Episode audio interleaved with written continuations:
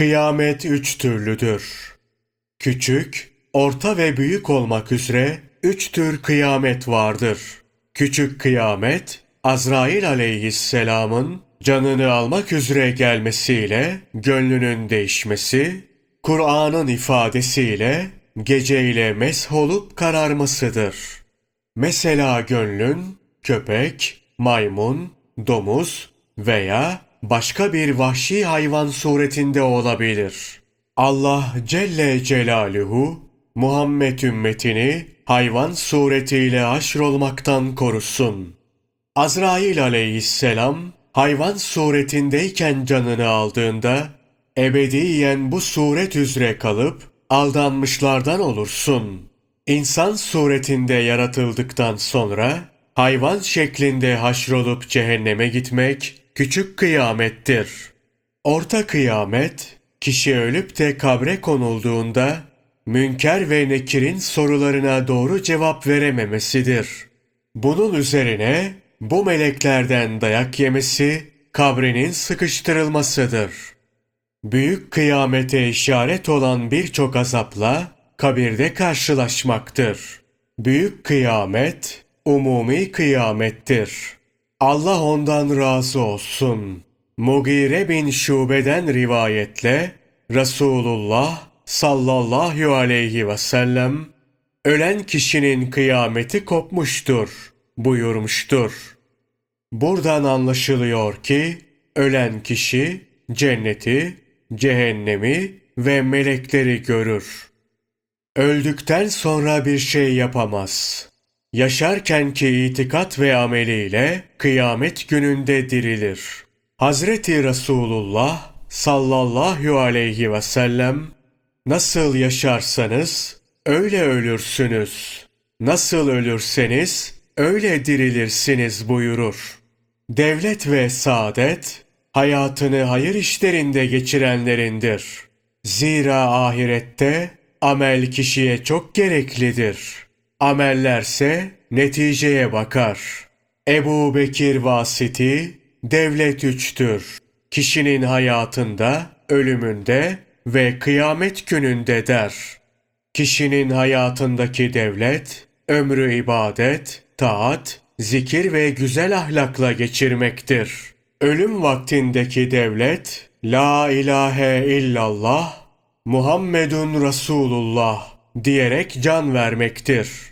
Kıyamet günündeki devletse, kabirden kalkıldığında, meleklerden, sen kurtulmuşlardansın, müjdesini almaktır.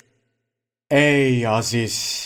Allah Celle Celaluhu seni ve davranışlarını ıslah etsin. Her kim Rabbine itaatkar olur, nefsini emmarelikten kurtarıp mutmainneliğe çıkarır ve öylece imanla ölürse, şüphesiz Hak Teala kalan nimetleri de ona ihsan buyurur. Ey alemlerin Rabbi olan Allah'ım! İhsan ve inayetinle bize kolaylıklar sağla. Ey akıllı kişi! Dünyanın halini düşünerek bak. Baban, annen, oğlun, kızın, kardeşin ve komşuların gitti. Eşin ve dostun, yarin ve yoldaşın hepsi gitti. Kadın gitti, erkek gitti. Senden evvel ve sonra gelenler de gitti. Elbette sen de gideceksin. Gitmemenin çaresi yok. Bu gerçek. Dolayısıyla bu fani mülke sarılmanın manası yok. Ey gafil insan! Ne yaptığının farkında mısın?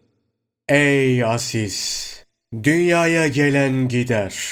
Bu yüzden akıllı olan yol hazırlığı yapar.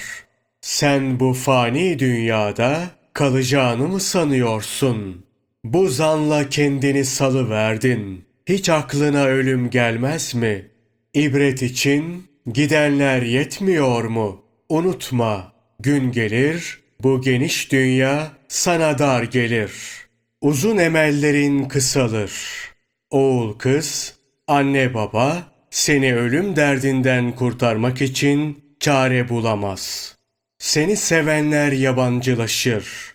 Beş-on gün içinde seni unutup bıraktığın mal için çekişirler. Onlar böyleyken sen kara toprakta hasretle yatarsın. Dünyada akıllı insan odur ki bunları önceden görüp ders alır. Zira kişiye ölümden büyük vaiz ve nasihatçi yoktur. Resulullah sallallahu aleyhi ve sellem hazretlerinin İbrahim isminde bir çocuğu vardı. 14 veya 17 aylıkken vefat etti. Yıkayıp kefenler, namazını kılıp kabre koyarlar. Münker ve nekir melekleri onun da kabrine gelip Rabbin ve peygamberin kim diye sorarlar. Çocuk Rabbim Allah'tır der. Babasından utandığı için peygamberim babamdır demez. Zira o sıra mübarek babası sallallahu aleyhi ve sellem kabrin başında beklemektedir. Oğlunun durumu Hazreti Peygamber sallallahu aleyhi ve selleme malum olur ve gözleri yaşlanır. Ey oğul diye buyurur. De ki Rabbim Allah'tır. Peygamberim, ahir zaman peygamberi ve babam olan Muhammed Mustafa'dır.